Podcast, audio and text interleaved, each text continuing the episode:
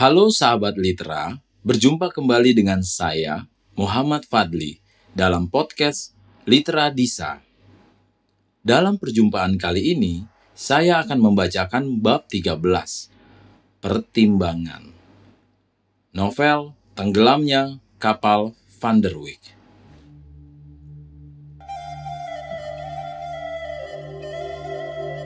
Pertimbangan Setelah segala permintaan dari pihak Aziz disampaikan orang kepada Datua dan kepada segala ninik mama yang berkuasa di dalam rumah nan gadang itu, setelah sampai pula surat yang dikirimkan Zainuddin, diadakanlah permusyawaratan ninik mama. Menurut adat yang terpakai. Dihadirkan di atas rumah nan gadang, disembelihkan ayam empat ekor, dibentangkan tikar pandan putih Janji yang ditentukan dalam panggilan ialah pukul 7 pagi, diundurkan ke sawah dan ke ladang buat sehari itu. Maka datanglah seorang pukul 7 lewat, seorang lagi pukul 10 dan pukul 12 kurang seperempat, barulah cukup hadir di atas rumah. Mama-mama duduk berapat di kepala rumah yang dihilir. Perempuan-perempuan duduk di dekat jalan ke dapur, mendengarkan buah mufakat dari jauh. Orang Sumando, yaitu suami dari kemenakan-kemenakan, dari pagi sudah sengaja tidak pulang. Sebab orang akan musyawarat dalam sukunya, padahal mereka hanya orang Sumando, mengebab, mengebat tidak erat, memancung tidak putus, lengau di ekor kebau, debu di atas tunggul, lecah lekat di kaki. Walaupun kadang-kadang anaknya sendiri yang akan dipertunangan atau dikawinkan, dia hanya kelak akan diberi kata yang telah masak saja. Setelah hadir semuanya, mulailah Dato membuka kata. Demikianlah, maka tuan-tuan saya hadirkan dalam rumah nan gadang ini. Yaitu keelok kata dengan mufakat, buruk kata di luar mufakat. Tai mata tak dapat dibuangkan dengan empu kaki, yaitu kemenakan kita si hayati, supaya telah ada orang yang meminta buat menjadi pasangannya.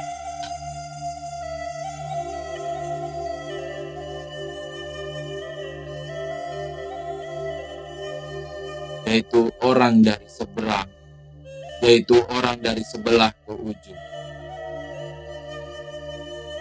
Namanya Aziz, anak dari Sultan Mantan, seorang yang termasyur dan berpangkat semasa hidupnya.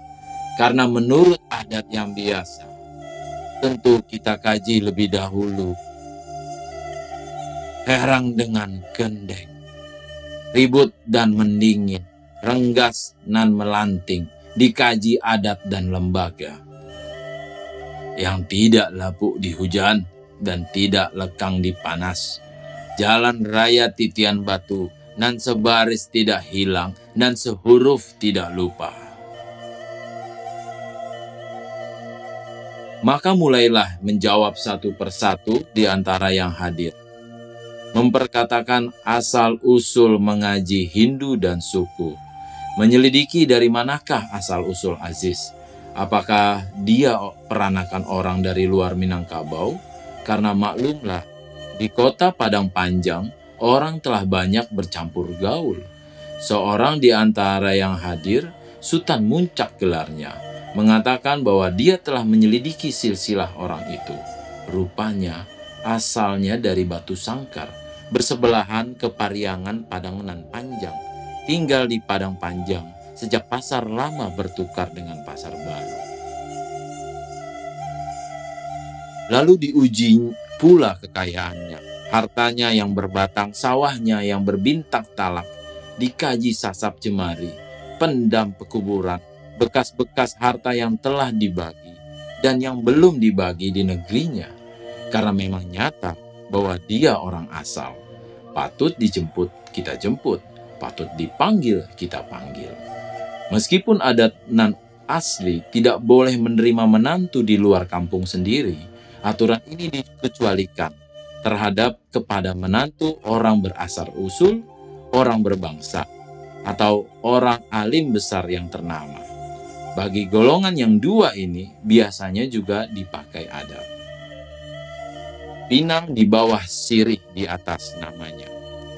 Kalau diterima menjadi tunangan tandanya ialah keris. Penjemput marapulai ialah keris. Pedang bersentak, tombak berambut, dan memakai pesemandan yaitu pengiring. Orang-orang yang berbangsa ini tidaklah membayar mahar yang diwajibkan agama, melainkan sekedar seringgit atau dua rupiah yang diucapkan di muka kadi. Yang berbayar uang jemputan ialah pihak yang perempuan, menurut derajat kemuliaan bangsa si laki-laki pula. Setelah dibicarakan panjang lebar, hampirlah bulat mufakat hendak menerima Aziz, karena menurut pepatah, ruas telah bertemu dengan buku bagai janggut pulang ke dagu. Lama berbangsa keduanya, satu bulan satu matahari. Ketika musyawarah itu diadakan, Hayati disuruh pergi dahulu ke rumah di sebelah, karena hal ini mengenai dirinya. Datuk melenggongkan mukanya kepada orang-orang perempuan yang duduk, menanyai bagaimana pikiran dan penyelidikan mereka dalam hal ini. Mak Tengah Limah menjawab bahwasanya cinta Hayati rupanya masih lekat kepada Zainuddin orang Makassar itu, yang hadir tercengang-cengang. Mamak Datuk Garang merah matanya mendengarkan perkataan Limah, seraya berkata, membuat malu hendak menginjak kepala kami Nini Mama. Bagaimana akan bisa seorang Makassar, seorang Bugis akan diterima menjadi menantu? Bagaimana kalau dia makan hati berulam jantung? Sebab maksudnya tidak sampai. Berapa banyaknya gadis-gadis yang membunuh diri lantaran tidak bertemu dengan yang dicintainya. Atau dia mati merana saja, kata Lima. Lebih baik dia mati, senang kita, daripada dia memberi malu nini mama. Merusak adat dan lembaga. Mengubah cupak nan u asli. Apa guna dia hidup kalau akan mencorengkan arang di kening dan menggoreskan malu di muka kita? Mendengar itu tidak ada yang berani menjawab perkataannya. Lima pun terdiam.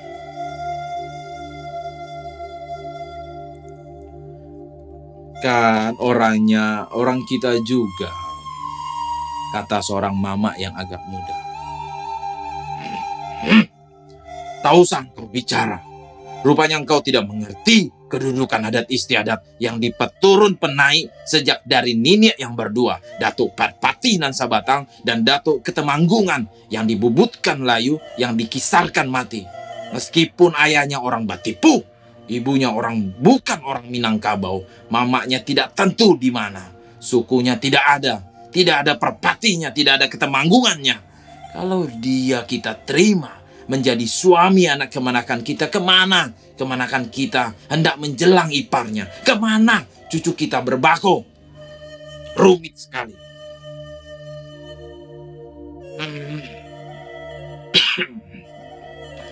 Tak baik kita mencela orang lain. Karena tiap-tiap negeri berdiri dengan adatnya. Walaupun apa bangsanya dan di mana negerinya. Jawab yang muda itu. Itu betul. Tetapi tidak ada yang melewati Minangkabau tatkala masa dahulunya sampai ke Aceh tiga segi. Sampai teratak air hitam sampai ke Bugis ke Makassar di bawah perintah Minangkabau semuanya. Membayar hak dacing pengeluaran, ubur-ubur gantung kemudi ke dalam alam Minangkabau. Itu betul. Tetapi tiap-tiap bangsa itu mengakui mereka punya yang lebih asal, yang lebih dahulu mencacak perumahan pulau perca ini. Datuk Garang yang kurang biasa disanggah oleh muda-muda agak meradang terus berkata, Raden lebih tahu dari kalian. Datuk yang takut perdebatan akan sengit telah menge mengetang mengetengahi perkataan itu dengan katanya. Rupanya kayu yang bercabang tidak bisa dihentakkan Meskipun Hayati suka kepada Zainuddin itu, merdekakanlah dia dalam kesukaannya. Yang akan langsung ialah kehendak kita itu juga. Zainuddin itu memang ada mengirimkan surat kepada Hayati. Sambil Datuk mengeluarkan surat Zainuddin dari sakunya. Tetapi meminang dengan mengirim surat itu sudahlah nyata bukan adat atau bukan pula lembaga di negeri kita. Perkataan kita telah hampir sampai kepada yang dimaksud perkara menerima permintaan orang muda Aziz itu. Sekarang lebih baik kita bulat segolong, picak setapik, kita bulatkan mufakat. Baiklah, baiklah, baik, baik, baiklah kata-kata yang lain dengan serentak. Bagaimana Sultan Mudo? Tanya Datuk kepada Mama yang membantah Datuk Garang tadi. Saya tentu sepakat sejak bermula pula penghabisan. Tidak dapat bercerai dengan yang banyak, cuma saya bantah perkataan yang menghinakan orang lain. Sebab kita akan bisa biasa berdagang ke kampung orang. Jangan kelihatan oleh orang kesempitan faham kita. Ya, kita habisi saja itu. Kita kita bulatkan sekarang menerima Aziz dan menolak permintaan Zainuddin. Boleh. Kami yang perempuan berbicara sedikit. Tanya Lima. Asal dalam kebenaran apa salahnya, kata Datuk rasanya patut kita juga awas. Sebab barangkali si Hayati ini entah kenapa apa, maklum ilmu orang Makassar itu sangat mujarab. Sebab selama ini pikirannya hanya kepada Zainuddin saja. Itu perkara gampang, kata Datuk Garam. Sudah ke laut, sudah ke darat, bukan saja sembarang orang. Kalau memang demikian bertemu dalam penglihatan, patut dibalas kita balas. Patut dibalik, kita balik. Permufakatan putus. Tinggal lagi memanggil Hayati, menerangkan kebulatannya, mufakat kepadanya. Dia pun datang. Setelah dipanggil, disuruhnya duduk di antara perempuan-perempuan yang banyak itu. Mula-mula bertolak-tolakan juga nenek mama itu hendak menyampaikan pembicaraan kepada Hayati Akhirnya diserahkan juga kepada mama datuanya, si datuk. Dia memulai. Hayati, inilah yang duduk ini mama dan nenekmu, lindungan persekuanmu yang mengebat erat memancung putuh. Memperkatakan baik dan buruk, hina dan mulia dari pagi, telah berkering tempat duduk, telah berhabis pinang sirih mencari yang akan elok. Datang permintaan orang untuk meminangmu, yaitu Aziz di Padang Panjang. Dan datang pula sepucuk surat dari Zainuddin, itu juga maksudnya.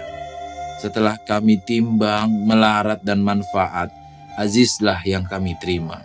Kami panggil engkau sekarang, menyatakan kebulatan itu supaya engkau terima dengan suka.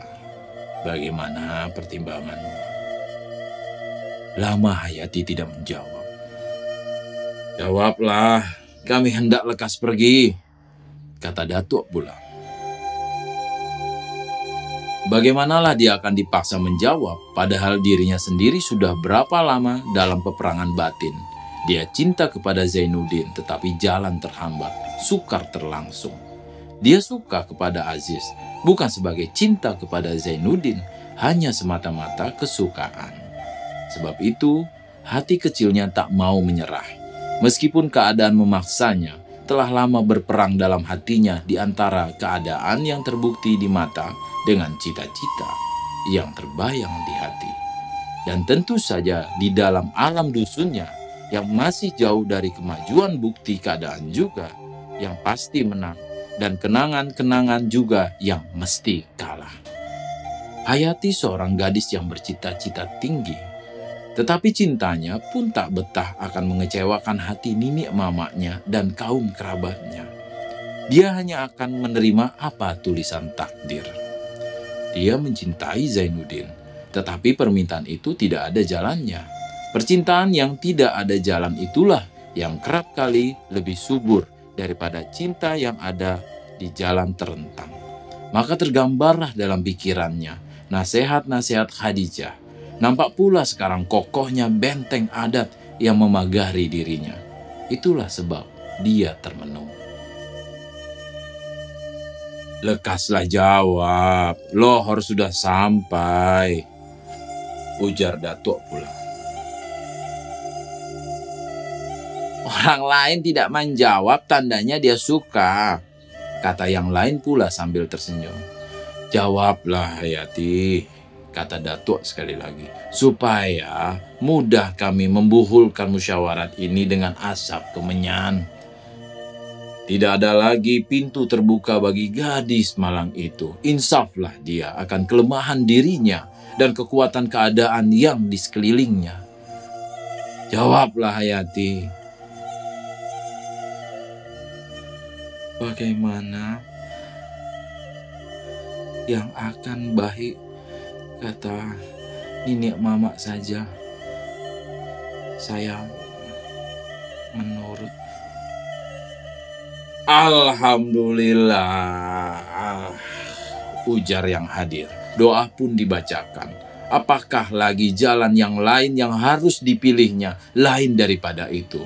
Dia menyerah kepada takdir. Terpaksa mungkir akan janjinya yang terdorong. Sebagaimana kebanyakan anak-anak perempuan yang lain juga. Sebab yang memutuskan janji bukan dia. Hidupnya tersangkut dengan keluarganya.